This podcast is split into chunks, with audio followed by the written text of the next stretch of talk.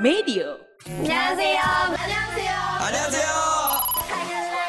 It's time Kamchagia Korea. 안녕하세요.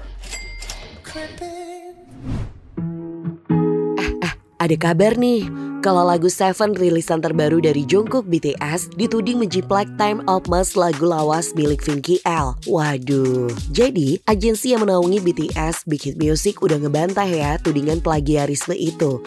Media hiburan ternama Korea Selatan, Dispatch pun juga ikutan mengulik tuduhan itu. Nah, berdasarkan investigasi itu, Dispatch ngebuktiin kalau tuduhan itu nggak bener. Lewat unggahan Instagram dan tulisan yang diunggah di webnews.teibo.com, Dispatch secara eksklusif memaparkan bukti untuk membantah tuduhan yang dilayangkan oleh Yang Jun Yong, produser dari lagu Time Out Mas. Secara khusus, Dispatch menelpon produser Yang pada 22 Agustus 2023. Dalam obrolan, mereka bilang kalau ternyata ada kesamaan dalam sistem skala 4 bar.